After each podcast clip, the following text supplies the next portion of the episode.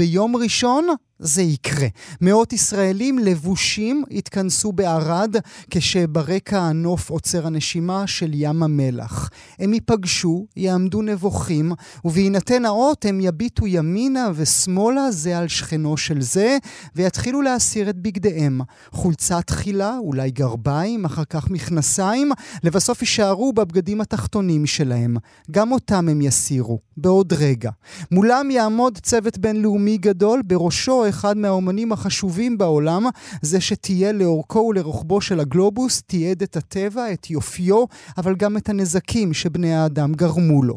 הדרך בה הוא עושה את זה היא שימוש בגוף האנושי העירום. צילומי העירום ההמוניים, האינטנסיביים שלו, הדהימו אותנו בכל פעם מחדש, וביום ראשון הוא יצלם כאן בערד. אני שמח לארח בתוכניתנו את האומן, את איש הסביבה, הצלם, מר ספנסר טוניק. מר ספנסר טוניק, thank you so much for being with us. Hi, how are you? Nice to not see you and see you at the same time. Oh, there you are. לא לראות וכן לראות אה, בבת אחת. איך אתה מרגיש, מר טוניק? איך אתה מרגיש כאן בישראל? I feel like I'm home, you know. I, I feel like I, I walk out the door and then everyone is like me. Everyone looks like me too. Sometimes, you know, I see my face, and I, I, I bet if we had a Spencer Tunick looking like contest, there'd be at least 100 people uh, that looks like me. Maybe that people understand me. Yeah, they kind of get what I'm doing, and they're, you know, they pay attention to art and culture, and I think uh, there's a a community of a mindset that people support my work based on knowing somehow that I'm part of this uh, community, even though I live in New York. I will uh, translate with your uh, permission. Uh, אומר לנו מר טוניק, אני מרגיש כאן בישראל בבית, אני יוצא מהדלת וכולם נראים כמוני. אני בטוח שאם היה תחרות כפילים כאן בישראל של האנשים שדומים לספנסר טוניק, לפחות 100 אנשים היו נראים ככה. אנשים כאן בישראל מבינים אותי, מבינים מה אני עושה, שמים לב לאומנות ולתרבות. יש קהילה של אנשים רבים שתומכים בעבודה שלי מתוך הבנה שאני אני חלק מכם, חלק מהקהילה שלכם, למרות שאני גר אה, בישראל. אתה כבר אה, יודע, מר טוניק, מה אתה הולך לצלם ביום ראשון? Israelis know that people will be getting naked that are everyday people. They're not nudists, they're not exhibitionists. They just want to do it once. They want to be part of a contemporary artwork and they want to be collaborators. They don't want to be just looking at art, they want to take part in a contemporary performative artwork. And I have an, a, a good idea that I think will resonate, and uh, it's important for me to make, and I worked very hard to make it and uh, so hopefully it'll work out. So I chose the location, and it has a great view of the Dead Sea in the distance from Arad, and so hopefully we'll have good weather. I think the idea is strong enough to sustain if we have bad weather. I, the idea that I'm using, it's a surprise, and I think you'll like it. אני שואל את uh, מר טוניק אם הוא יודע כבר מה הולך לקרות ביום ראשון בצילום ההמוני, צילום העירום ההמוני. הוא אומר, אתה יודע, אנשים רגילים עומדים להתפשט, הם לא נודיסטים, הם פשוט אנשים שרוצים להיות חלק מאומנות, הם לא רוצים רק להתבונן באומנות, אלא ממש להיות חלק ממנה.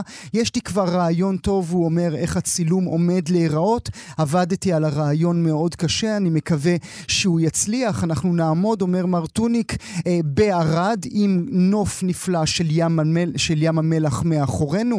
אני מקווה מאוד שיהיה מזג אוויר טוב שיאפשר את הצילומים. גם אם לא יהיה מזג אוויר טוב, גם אם הוא יעבוד לרעתנו, אומר ספנסר טוניק, זה יצליח בכל זאת. הרעיון הוא הפתעה, אני לא יכול לספר לכם עכשיו, הוא אומר, אבל אני בטוח שתוכלו, שתאהבו אותו. אה, אתה יודע, אה, מר טוניק, לפני שנה וחצי ראיינתי אותך כאן בתוכניתנו, ואמרת לי בעצם אז שמה שגרם לך לחזור לעבוד זו הייתה הפגנה בישראל בכיכר רבין, הפגנה נגד נתניהו. בוא נשמע דברים שאתה אמרת לי. I could not believe that. I was like, that sent me a message that I can continue my work in the times of the coronavirus. That if there are brave people in Israel willing to protest six feet apart, then I think I can come back to Israel and do a nude in that same location with people six feet apart wearing masks. זה היה לפני שנה וחצי, מר טוניק, כאשר אה, דיברנו כאן בתוכנית שלנו בחודש מרץ 2020. העולם היה כולו במגפה גדולה, ואתה צופה בטלוויזיה ורואה את ההפגנה הגדולה בכיכר רבין אה, אה, נגד אה, ממשל אה, נתניהו, ומה אתה אומר לעצמך באותו רגע?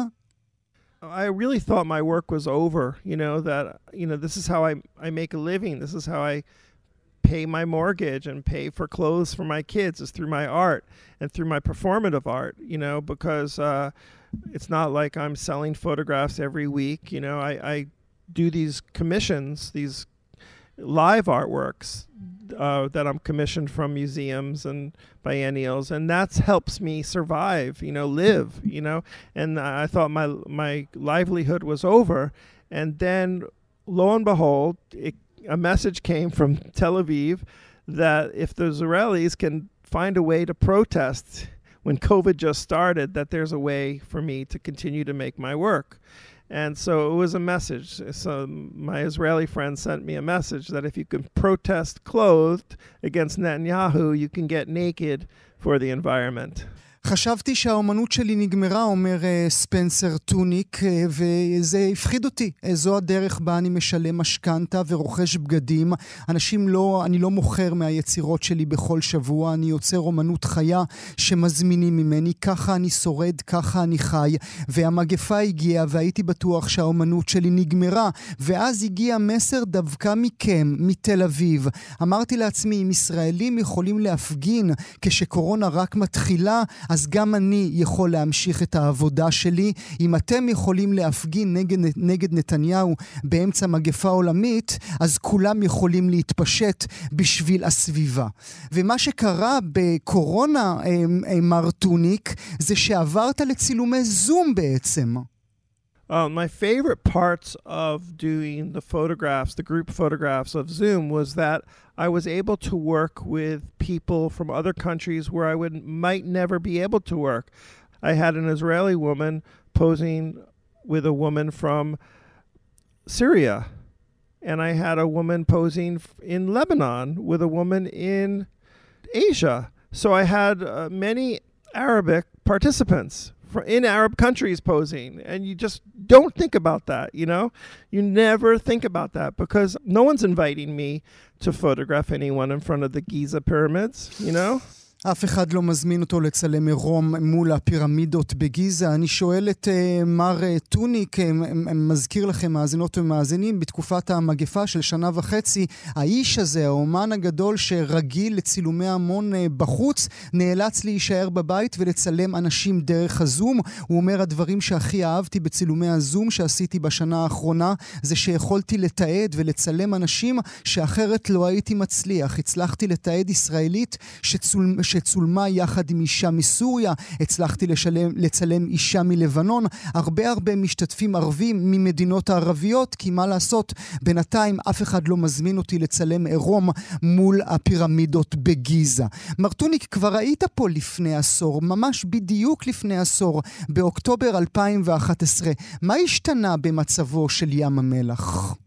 There's thousands of new sinkholes surrounding the Dead Sea. Uh, in fact, in 2011, I worked at a beach called Mineral Beach, and now it's closed, and there are crater size sinkholes, the size of basketball courts on the beach and in the parking lot and it's there's no access and this is happening all around the Dead Sea and it's very dangerous because of the retreating waters. This time I'm working and making art and I'm in touch with the idea that the Dead Sea is receding, and we need to uh, be aware of that. And we need to think about how we consume water and how we consume cosmetics and what we take from nature, sometimes we don't get back.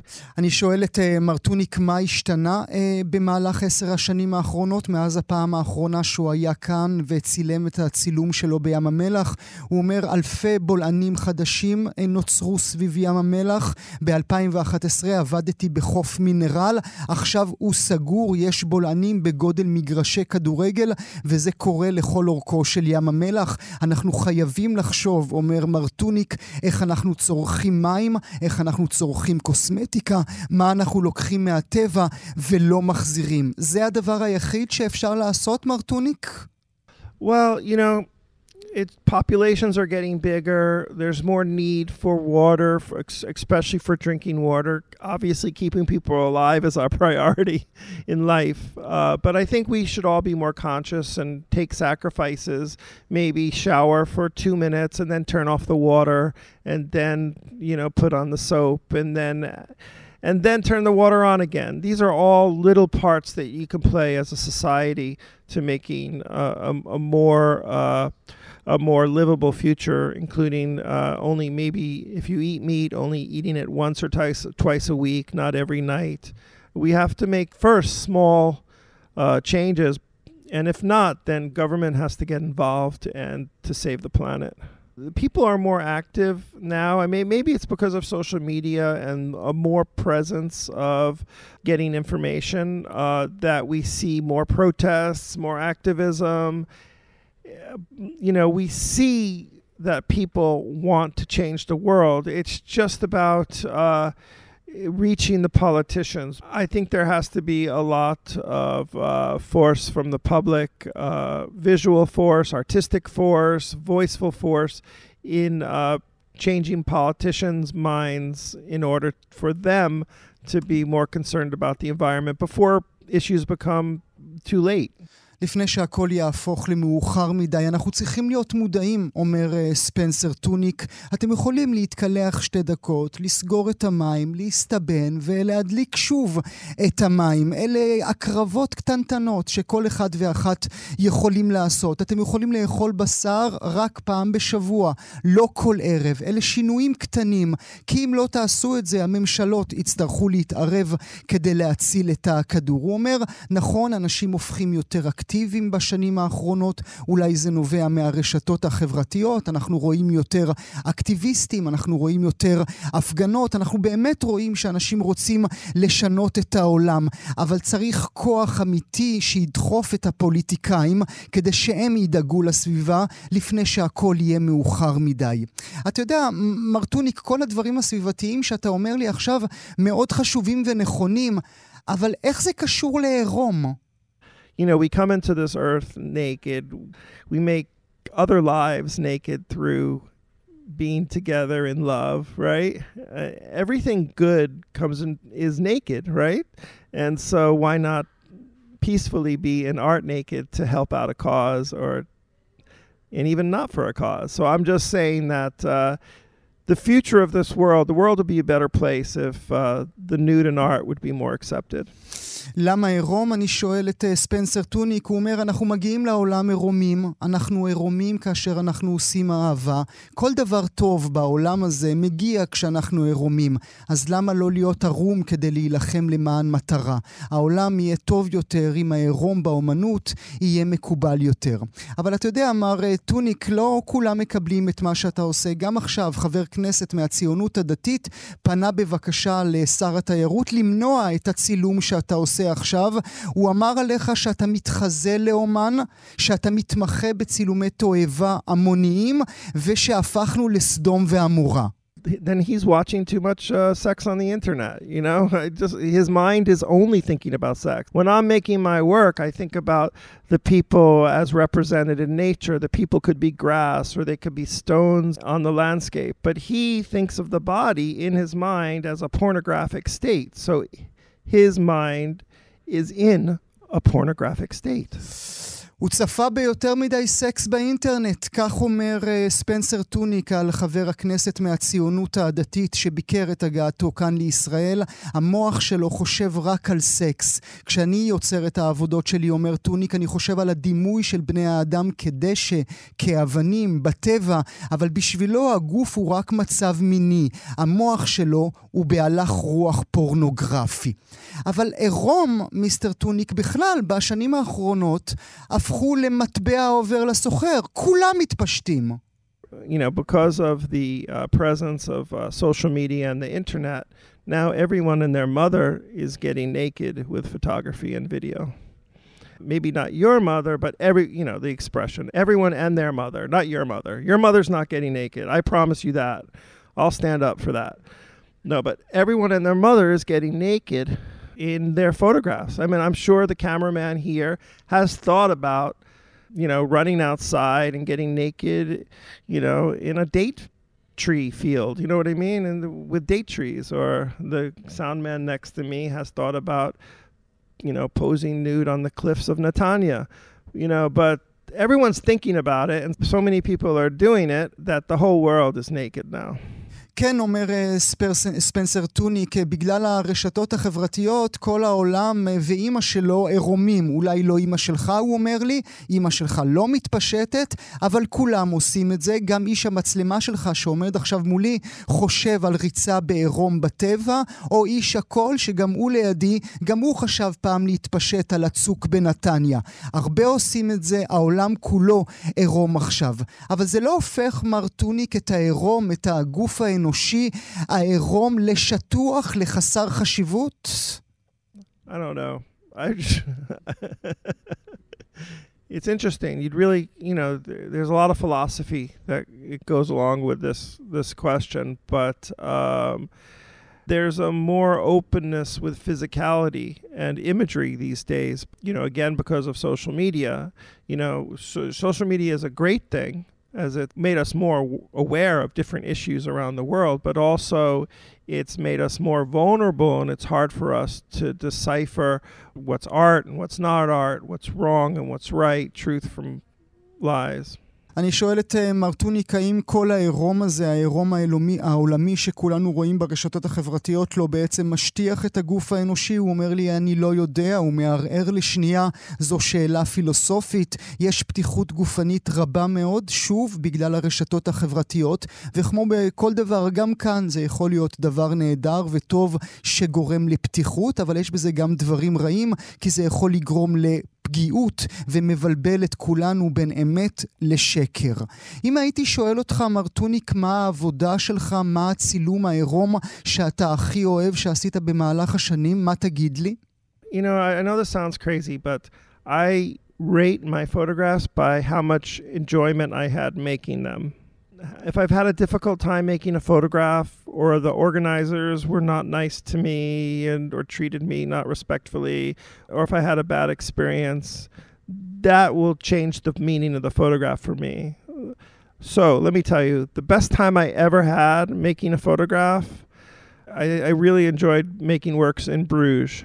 I had a great time in Belgium. Uh, making works. I had a great time in Japan photographing individual portraits. You know, I love photographing in New York, my home, and I love photographing my wife. She poses for me all the time, and every time I photograph my wife, I photographed her since I've met her when she was 25, and she's now 52, and I photograph I photograph her every year, and she's just a joy to photograph.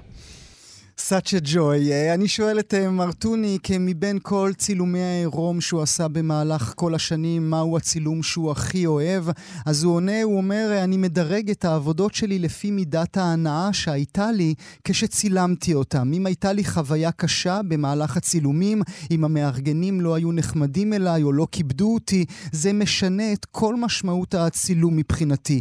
הצילום הכי טוב והזמן הכי טוב שהיה לי היה בצילום שקיימתי בברו ברוז' שבבלגיה. נהניתי גם מאוד בצילומי, בצילומים ביפן, שם צילמתי דיוקנאות של אנשים.